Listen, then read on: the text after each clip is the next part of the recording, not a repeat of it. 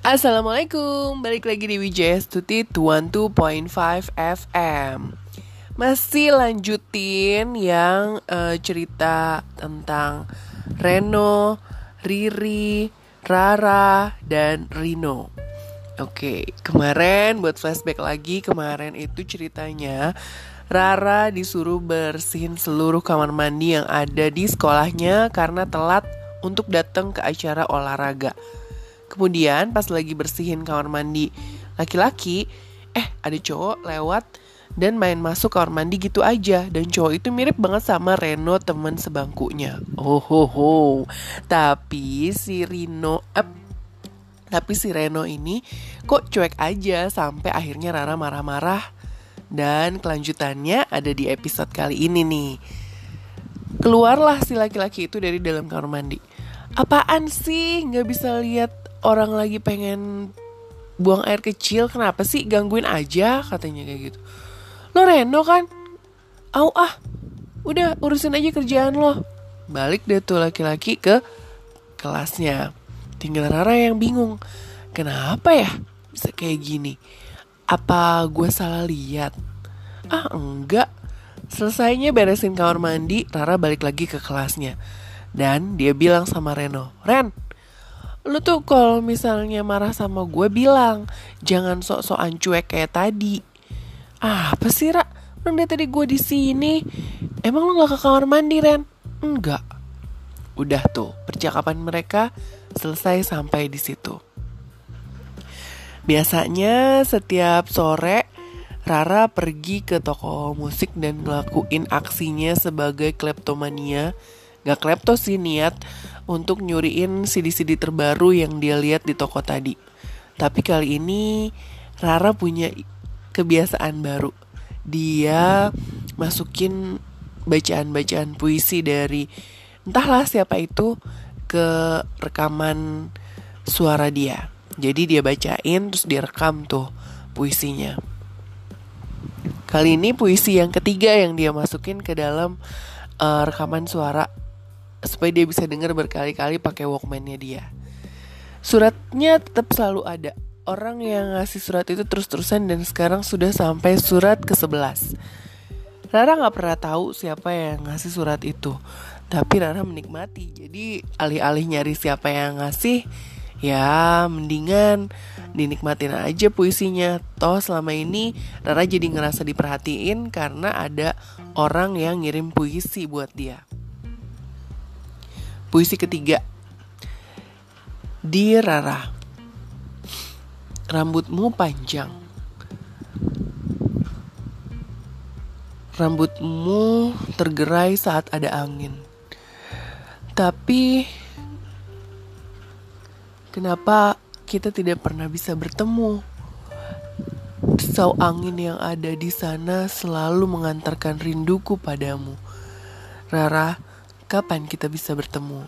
Cia, pokoknya romantis-romantis kayak gitu deh puisinya. Dan Nara merasa ada orang yang merhatiin aja. Hari berganti hari. Riri yang anak orang kaya yang disayang sama gurunya Mulai tambah akrab sama Rara. Ke mana-mana mereka selalu berdua dan gak bisa dipisahin. Entah kenapa si Rara yang gayanya tomboy dan cuek Dengan Riri yang gayanya agak lola tapi juga feminim tuh jadi satu gitu loh. Jadi ke mana-mana mereka tuh nggak bisa terpisahkan. Di mana ada Rara selalu ada Riri. Di mana ada Riri selalu ada Rara. Jadi orang-orang bilang kalau mereka tuh anak kembar beda dua kutub. Ya dong yang satu kayak gitu yang satunya juga uh, beda banget deh sifatnya masing-masing. Oke. Ceritanya ada satu orang di kelas Rara yang mengundang untuk datang ke pesta ulang tahun. Namanya Miko. Ya, Miko bilang syaratnya kalau mau pergi ke undangan ulang tahunnya, mereka harus membawa pasangannya masing-masing. Hmm, di sinilah Rara mulai berpikir gimana kalau dia berusaha mengirim surat balik ke si pengirim surat ini supaya dia mau jadi pasangannya di ulang tahunnya Miko. Rara berpikir keras, mana bisa Rara nulis puisi? Atau Rara tulis surat aja yang sesuai dengan apa yang dia mau? Bingung banget, selama ini Rara gak pernah cerita sama Riri. Tapi akhirnya Rara buka suara dan Rara cerita sama Riri tentang surat-surat yang dia temukan di bawah mejanya setiap hari dan sudah sampai 11 surat sampai hari ini. Ri, Hmm, gue mau curhat boleh nggak? Cie, tumen-tumenan Ra, kamu mau curhat sama aku. Biasanya cuek banget. Iya nih, um, gimana ya?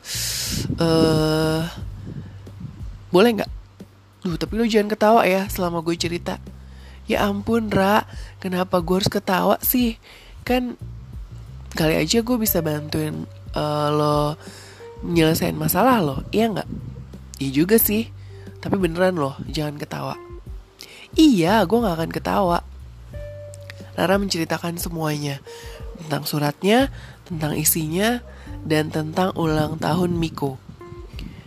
Kenapa lo gak bawa gue aja? Ampun Riri, pasangan macam apa? Yang dimaksud pasangan itu ya pasangan sebener-benernya pasangan kali Ri. Lo kan sahabat gue Ri, ya bukan pasangan lah namanya. Oh iya iya iya iya iya iya. Ya maklum deh Riri kan Lola. Akhirnya Riri kasih ide yang sangat brilian. Riri bilang, lihat aja rak di internet. Lo cari deh tuh um, puisi-puisi yang suka ada di Google Google gitu. Nah terus lo tulis tapi terus tulis bawahannya notes. Mau nggak nemenin aku jadi pasangan aku di ulang tahunnya Miko? Tapi lo udah siap belum Ra ketemu sama orang ini? Hmm, bener juga Lori. Ya deh, gue cari deh puisinya siapa gitu ya, terus gue tulis note di situ. Nah, masalahnya nih, Ri, gimana cara gue ngasih surat ini ke si cowok pengirim surat ini ke gue? Eh, terus kata Riri, Ya ampun Ra, kan lo nemunya di bawah meja. Ya lo taruh aja kalau suratnya itu di bawah meja lo kali. Tulis dari Rara buat pengirim surat. Ih kadang lo cerdas juga ya Ri. Iya dong Riri. Akhirnya karena Rara udah gak tahu harus kayak gimana lagi, dia bikin tuh surat nyontek dari Google. Dan